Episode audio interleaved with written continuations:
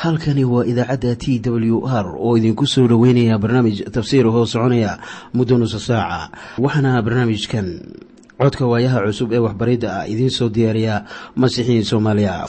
Sareyow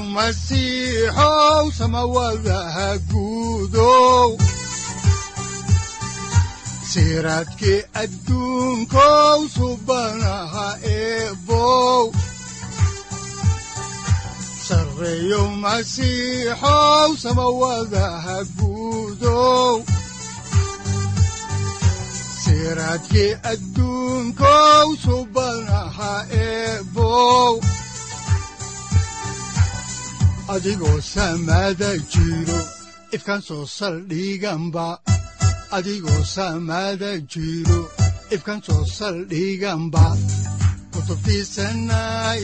ku soo dhowaada dhegaystayaal barnaamijkeenna dhammaantiinba waxaan horay u sii ambaqaadi doonnaa daraasaadkii la magac baxay baibalka dhammaantii. Waxaannu idiin sii wadi doonnaa kitaabkii yeshuuca oo ka mid ah axdigii hore. Yeshuuca wuxuu ahaa hoggaamiyihii reer banu israa'iil kadib markii nebi muuse u geeriyooday. Waxaannu caawa idiin bilaabi doonnaa cutubka siddeedaad oo aannu uga gudbi doonno kan sagaalaad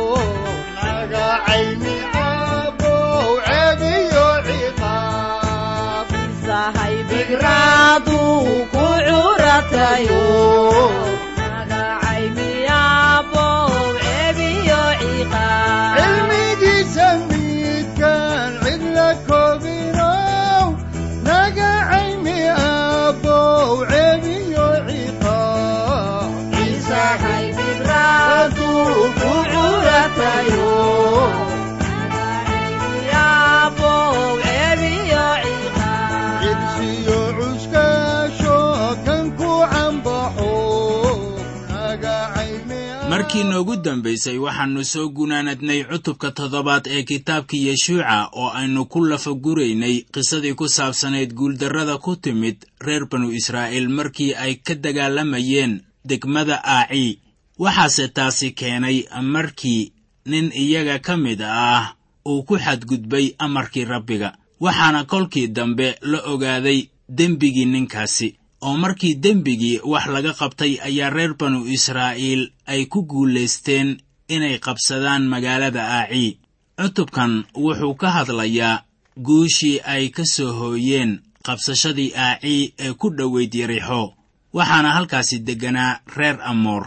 Maadaama iminka dembigaasi wax laga qabtay ayaa ilaah wuxuu siiyey reer banu israa'iil guushii ay ku taamayeen.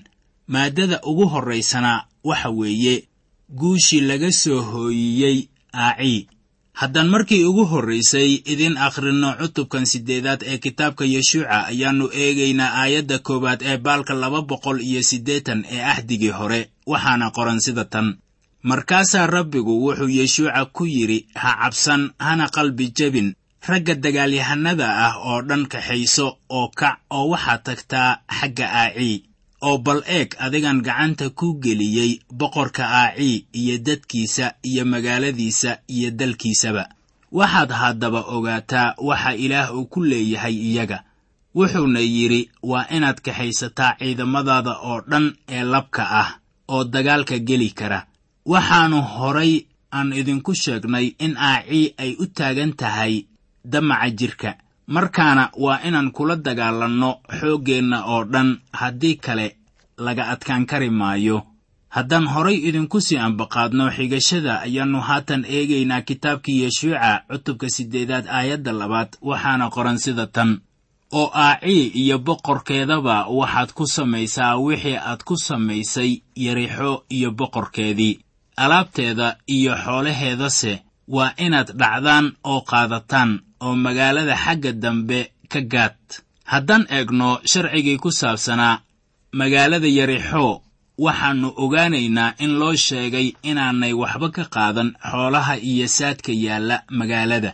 Waxaan ka ahayn dahabka iyo macdanta loo ururinayo qasnadda macbudka. Iminkase waxaa lagu leeyahay waad qaadan karaysaan wixii aad bililiqaysataan maxaa haddaba keenay isbeddelka? Waxaan iminka garanaynaa in ay cudurradu ku badnaayeen magaalada yarixo. Hoggaamiyeyaashii reer banu israa'iil ee waagaasi waxba kama ayan garanaynin cudurrada lisqabadsiiyo laakiin ilaah wuu garanayey oo wuxuu ku yidhi ha qaadanina wax kasta ee yaalla magaalada yarixo. Laakiin wuxuu u fasaxay inay wax kasta ee yaalla aacii ay qaataan wuxuuna ilaah u sheegayaa inay magaalada gadaal kaga yimaadaan oo ay gaadaan marka way dhib badnayd in aacii ciyaar ciyaar lagu qabsado. Haddaan horay idinku sii wadno xigashada ayaannu iminka eegaynaa.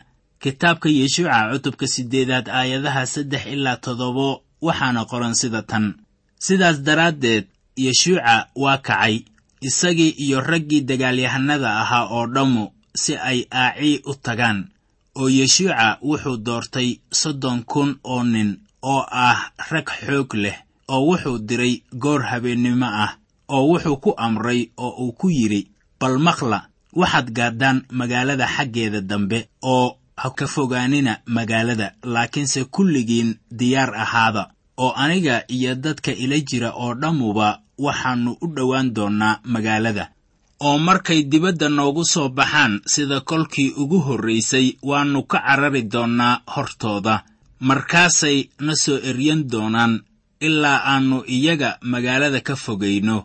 Waayo waxay is odhan doonaan sidii markii ugu horraysay bay naga cararayaan oo sidaasaannu uga hor carari doonnaa iyaga oo markaas waa inaad gaadmada ka timaadaan oo aad magaalada qabsataan waayo rabbiga ilaahiinna ah ayaa gacanta idingelin doona iyada. Markaannu sii akhrinno waxaannu arkaynaa xaalku inuu u dhacay sidii yeshuuca uu u qorsheeyey oo magaalada aacii si sahlan ayay ku soo gashay gacmaha reer banu israa'iil. Maadaama ay aacii u taagan tahay jidhka ayaannu ogaanaynaa in dhacdadan ay inoogu jirto cashar weyn oo ruuxi ah. Marka ugu horraysa waa la gartay itaalka uu cadowgu leeyahay iyo khasaaraha uu geysan karo. Waa inaan aragnaa in cadowga ugu weyn ee naga soo horjeeda uu yahay nafteenna un. Waxaan sida badan maqlaa dad badan oo leh xumaantan shayddaanka ayaa igu qasbay. Waxaanse idinku leeyahay shayddaanku taasi shaqo kuma leh waxaase weeye jidhkaaga damaca badan waxa kugu kallifay inaad dembaabto tan labaad waa inaannu si taxadir leh ugu kuurgalnaa asbaabta ka dambaysa guuldarrooyinka nolosheenna ka hor yimaada. Haddaan asaasiyan eegno sababta guuldarrooyinkaasi waxa weeye sida aannu ugu xidhannahay awooddeenna waxaa natiijo wanaagsan ay imaanaysaa markaan ilaah ugu kalsoonaanno wax waliba waxaa nimankii sirdoonka ahaa yeshuuca ay ku yidhaahdeen waxaa loo baahan yahay ilaa iyo saddex kun oo nin si loo qabto aacii waxay nala noqonaysaa dhibaatooyinka xagga jidhka inaan si sahlan kaga gudbi karayno laakiin waxaan idinku leeyahay taasu way dhib badan tahay. Isla sida ay reer banu israa'iil ugu adkaatay inay qabsadaan magaalada aacii ayaan aaminsanahay inay innaguna inagu adag tahay inaan ka adkaanno damacyada jidhka bawlos oo ka hadlaya dhibaatada damacyada sharka ah ee jidhka ayaa yidhi sida ku qoran warqaddiisii reer rooma cutubka toddobaad aayadda afar iyo tobanaad sida tan. Waayo waxaynu ognahay in sharcigu uu ku saabsan yahay ruuxa laakiinse anigu waxaan ahay mid jidhka raaca oo lagu iibiyey dembiga hoostiisa saaxib aniga iyo adiga oo keliya ma ahan waxa dembiga maarayn kara. Waxaanan idinku nidhi waxaynu had iyo goorba u baahannahay in ruuxa laynaga buuxiyo si aynu sharka maalinta isaga caabinno. Laakiin waxa ayaan darra ah in kumannaan ay isku dayayaan inay cadowgooda gudaha ku cidhibtiraan awooddooda iyo xooggooda taasuna suuragal ma ahan waxaase lagula dagaalami karaa jidhka ruuxa quduuska ah ee ilaah. Masiixu uma dhiman inuu ku badbaadiyo oo keliya laakiin wuxuu u dhintay in dabeecadda dembiga wax laga qabto. Waxaa ku qoran warqaddii rasuul bawlos uu u qoray dadka rooma baalka laba boqol toddoba iyo toddobaatan ee axdiga cusub cutubka siddeedaad aayadda saddexaad sida tan. Waayo wax aan sharcigu samayn karayn maxaa yeelay wuu itaal darnaa jidhka aawadiis ayaa ilaah sameeyey isagoo wiilkiisa ku soo diraya jidhka u ekaantii jidhka dembiga leh oo u soo diraya dembiga aawadiis. Wuxuuna xukumay dembigii jidhka ku jiray. Waxaa haddaba tanu ay ka dhigan tahay markii masiixu uu yimid dunidan inaannu u dhimanin dembigaaga oo keliya iyo inaad badbaado hesho. Wuxuuse u dhintay inuu xukun ku soo rogo dabeecaddii hore ee dembiga oo loola jeedo qaabkii hore ee aad u noolayd intaadan masiixi noqonin. Masiixu wuxuu u dhintay inaad dabeecad dembi ku laran yahay aad leedahay aawadeed. Markaasaa ciqaabtii la bixiyey. Haddii kale ruuxa quduuska ahu inooma soo dhowaadeen. Bawlos oo inoo fasiraya xaalka ku saabsan in masiixu uu inoo dhintay oo uu u bixiyey ciqaabteenna ayaa leh sida ku qoran warqaddiisii reer galatiya baalka saddex boqol kow iyo soddon ee axdiga cusub cutubka labaad aayadda labaatanaad. Sida tan waxaa isku tallaabta laygula qodbay masiixa laakiin weli waa noolahay. Anigu ma aha kan nooli laakiin masiix ayaa igu dhex nool. Oo nolosha aan haatan jidhka ku dhex noolahay waxaan ku noolahay rumaysadka xagga wiilka ilaah. Kan i jeclaaday oo nafsaddiisa u bixiyey daraadday haddaba damaca jidhka guuldarro buu inoo keenayaa haddii aynan ku xirnaanin ruuxa quduuska ah kaasoo inagu hoggaaminaya inaan guul ka soo hooyinno dagaalka aynu sharka kula jirno. Haddaan horay idinku sii ambaqaadno xigashada kitaabka yeshuuca ayaannu eegaynaa cutubka siddeedaad aayadaha soddon ilaa laba iyo soddon waxaana qoran sida tan. Markaasaa yeshuuca wuxuu rabbiga ah ilaaha reer banu israa'iil buur ceebaal uga dhisay meel allabari sidii addoonkii rabbiga oo muuse ahaa reer banu israa'iil ugu amray iyo sida ku qoran kitaabka sharciga muuse oo waxay ahayd meel allabari oo ah dhagaxyo aan la qorin oo aan ninna bir u qaadin oo waxay rabbiga ugu kor bixiyeen qurbaanno la gubo iyo qurbaanno nabaaddiinno oo wuxuu dhagaxyadii ku qoray naqil sharcigii muuse ah oo uu ku qoray reer banu israa'iil hortooda. Waxaannu iminka halkan ka ogaanaynaa kadib markii ay guul ka soo hooyiyeen aacii in yeshuuca uu meel allabari ilaah uga dhisay buur ceebaal dusheeda. Dabeetana reer banu israa'iil waxay oofiyeen wixii nebi muuse uu ku amray oo yeshuuca ayaa wuxuu iyaga u akhriyey barakadii iyo habaarkii sida ku qoran sharciga ku noqoshadiisa cutubka kow iyo tobanaad aayadaha lix iyo labaatan ilaa laba iyo soddon. Haddaan horay uga soconno ayaannu iminka idin akhriyaynaa kitaabka yeshuuca cutubka siddeedaad aayadaha afar iyo soddon ilaa shan iyo soddon waxaana qoran sida tan. Oo dabadeedna wuxuu akhriyey erayadii sharciga oo dhan ducadii iyo habaarkiiba siday ahaayeen wixii ku qornaa kitaabka sharciga oo dhan oo ma jirin erey nebi muuse u amray oo aan yeshuuca ku hor akhriyin shirkii reer banu israa'iil oo dhan iyo dumarkii iyo dhallaankii iyo kuwii qariibka ahaa oo iyaga dhex socday. Waxaad haddaba ogaataa in halkaasi lagu akhriyey reer banu israa'iil oo dhan sharcigii nebi muuse oo addoonkii ilaah ahaa qoray. Wuxuuna ahaa sharcigii dalka waxaanay ahayd wakhti ilaah uu xusuusinayo reer banu israa'iil shuruudda axdiga ilaah uu ku xidhay dhulka ay galeen. Waxaa intaasi ku soo dhammaaday dulmarkii aynu ku samaynaynay xigashada kitaabka yeshuuca cutubkiisa siddeedaad. Waxaana si dawaale ah aan u bilaabaynaa cutubka sagaalaad. Haddaba mawduuca cutubkan sagaalaadii wuxuu noqonayaa khiyaanadii reer gebicoon. Marka yeshuuca uu bilaabay qabsashada dhulkii la ballanqaaday ayaa waxaa ka hor yimid saddex cadow waxaana ay kala ahaayeen saddexdaas cadow magaalada yarixo aaci iyo gebicoon saddexda cadow ee yeshuuca ayaa markii la fasiro u taagan cadowga qofka masiixiga ah maanta.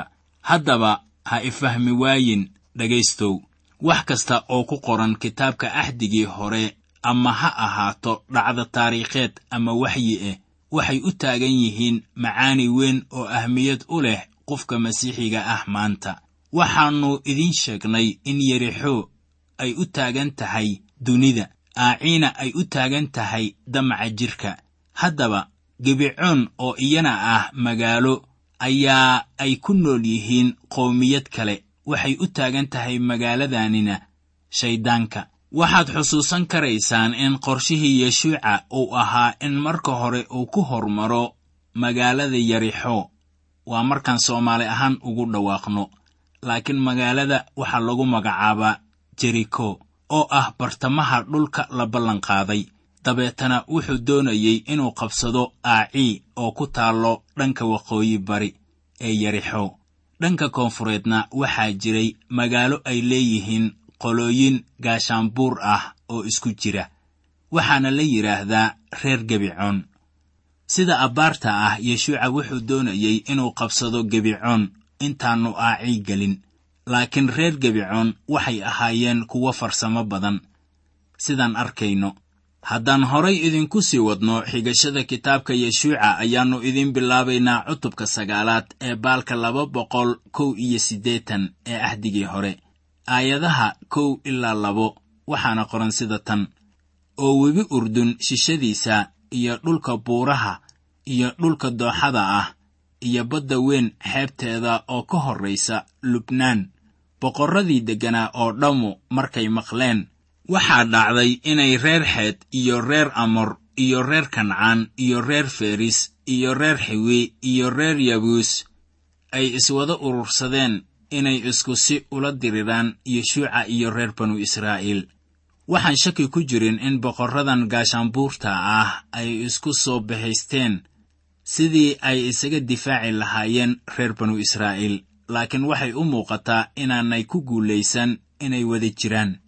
Kumana guulaysanin inay joojiyaan ciidamada weerarka ah ee reer banu israa'iil. Waxay haddaba tanu sharaxaysaa in reer gebicoon ay ka baxeen axdigii gaashaanbuuraysiga ay la lahaayeen aacii kadib markii ay la yimaadeen xeelad iyaga gaar u ah. Fikraddoodu ma ahayn inay dagaalamaan laakiin waxay doonayeen inay farsamo ahaan ka baxsadaan xasuuqa ku imaan lahaa haddii dagaal fool ka fool ah uu u dhex maro iyaga iyo ciidamadii uu hoggaaminayey yeshuuca ee reer banu israa'iil. Haddaan horay idinku sii wadno xigashada kitaabka ayaannu iminkana eegaynaa cutubka sagaalaad aayadaha saddex ilaa sagaal waxaana qoran sida tan.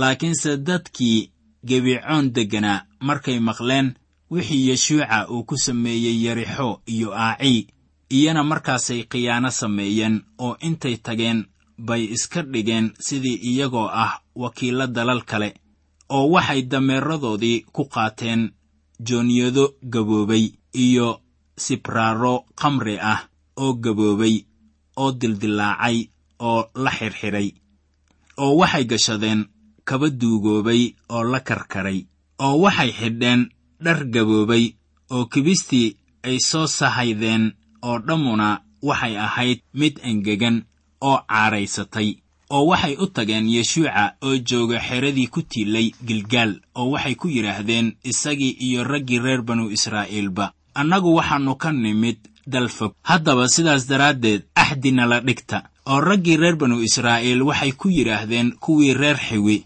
war mindhaa annagaad na dhex deggan tihiin oo haddaba sidee baannu axdi idinla dhiganaynaa? Oo waxay yeshuuca ku yidhaahdeen annagu waxaannu nahay addoommadaada markaasaa yeshuuca wuxuu ku yidhi yaa tihiin oo xaggee baad ka timaadeen.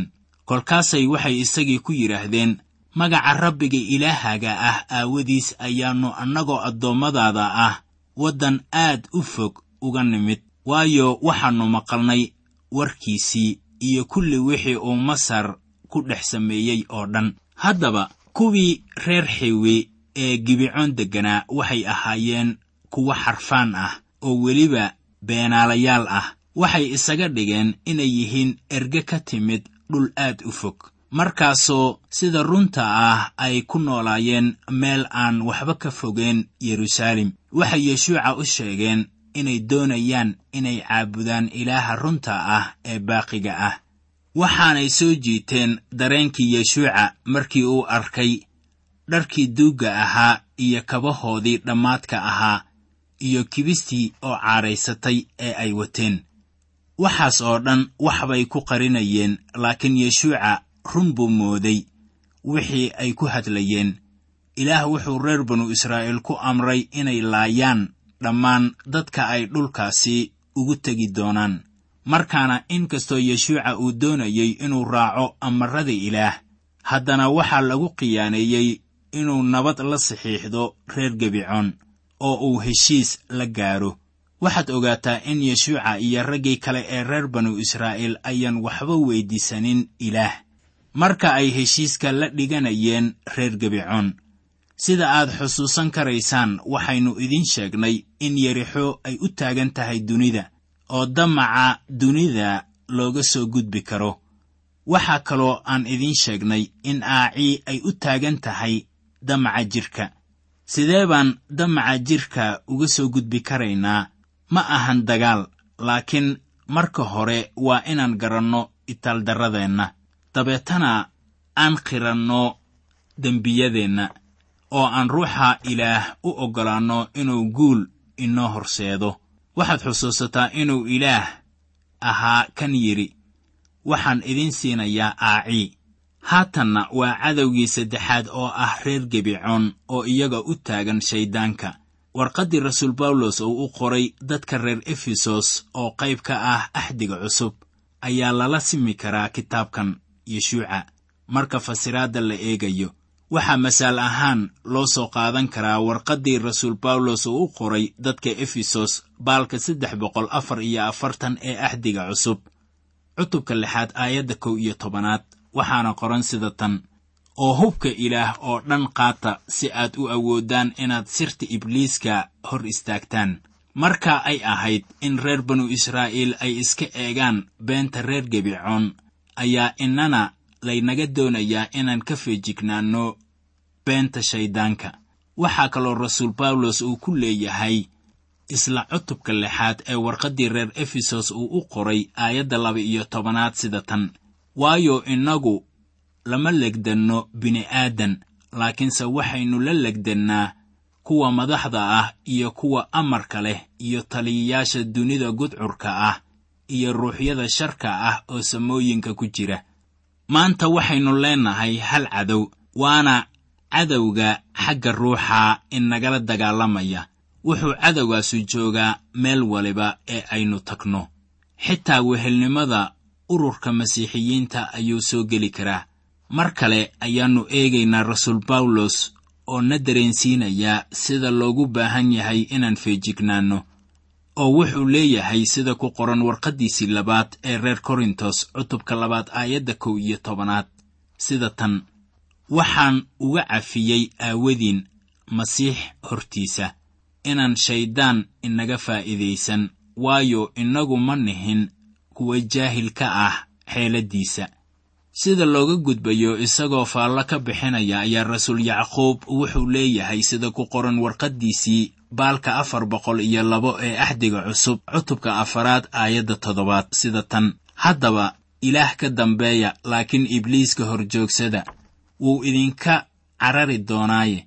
Haddaba waxaan gelaynaa khatar ah in layna khiyaaneeyo haddaanan taxadarin haddaba markii reer banu israa'iil ay soo saareen in reer gibicoon ay ahaayeen derisyadooda oo la khiyaaneeyey ayay welibana xushmaynayaan heshiiskii nabadda ahaa ee ay la dhigteen.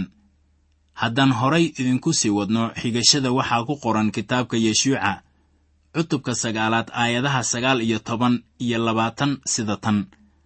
Laakiinse amiiradii oo dhammu waxay shirkii oo dhan ku yidhaahdeen waxaannu iyaga ugu dhaarannay rabbiga ah ilaaha reer banu israa'iil. Oo haddaba sidaas daraaddeed waa inaynan taaban iyaga. Oo sidaan baan u yeelaynaa oo naftooda ayaan u daynaynaa waaba intaas oo dhaartii aannu ugu dhaarannay daraaddeed cadho inoogu dhacdaaye. Haddaba dhaartii ama ballankii ay galeen ayay dhowrayaan reer banu israa'iil inkastoo been loo sheegay.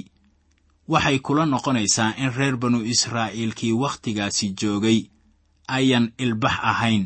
Laakiin ogow in hadalkii ay ku hadleen ay qiimaynayaan ilaahna sidaas oo kale ayuu doonayaa oo wuxuu inaga rabaa in wixii aannu ku hadalno ay noqdaan sidii aynu ugu hadalnay. Haddaan horay idinku sii wadno oo aan soo gunaanadno cutubka sagaalaad iyo cashirkeenna caawa ayaa waxaa ku qoran kitaabka yeshuuca aayadihiisa kow iyo labaatan sida tan oo amiiradii waxay ku yidhaahdeen naftooda u daaya ha noolaadeene. Sidaas daraaddeed waxay shirkii oo dhan u noqdeen kuwo qoryaha jebiya oo biyaha dhaansha. Sidii amiiradii ay kula hadleen iyagii. Haddaan horay idinku sii wadno xigashada ayaa waxaa ku qoran aayadda toddoba iyo labaatanaad sida tan. Oo maalintaasuu yeshuuca iyagii ka dhigay kuwo qoryaha u jebiya biyahana u dhaamiya shirka iyo meesha allabariga rabbiga taas oo ku taal meel alla meeshuu doortaba ilaa maantadan la joogo. Waxaa intaasi ku soo dhammaanaya cutubkii sagaalaad waxaanan habeenka xiga halkii idinka sii wadi doonnaa dhegaystayaal qisada ku saabsan sidii reer banu israa'iil ay ku qabsadeen dhulkii loo ballanqaaday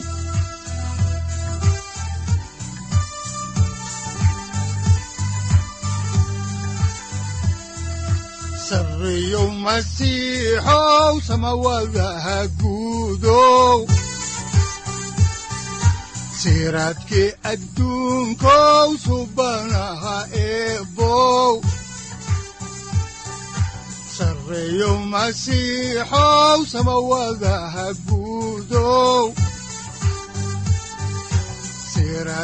adduunkow subanaha eebow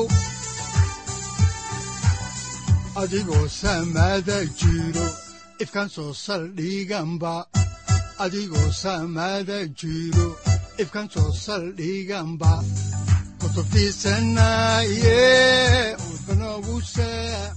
halkani waa t w r idaacadda t w r oo idinku leh ilaa ha idin barakeeyo oo ha idinku anfaco wixii aad caawi ka maqasheen barnaamijka.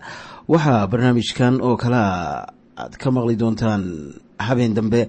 Hadahan oo kale haddiise aad doonaysaan in aad fikirkiina ka dhiibataan wixii aad caawi maqasheen ayaad nagala soo xiriiri kartaan som t w r at t w r c o k e waxaad kaloo iimailada inoogu soo diri kartaan dhegaystayaal cinwaanka yahu-ga oo ah somali t w r at yahu com aaduu u fududyahayaa somali t w r at yahu com waxaa kaloo aan idin siin doonaa website. Aad ka maqashaan barnaamijyada soomaaliga ah si kuwiina doonaya in ay koorasyo ka qaataan bibalka ay ugu suurowdo ama ugu hirgasho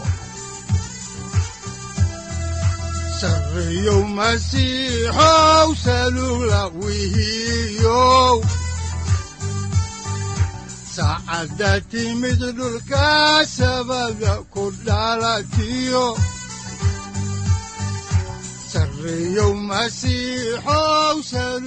halkani waa t w r oo idiin rajaynaya habeen baraare iyo barwaaqaba leh inta aynu ka gaari doono wakhti aynu ku kulanno barnaamij la mida kan caawayay aad maqasheen waxa aan idinku leeyahay nabadda ciise masiix ha idinku badato xagga jidhka iyo ruuxaba aamiin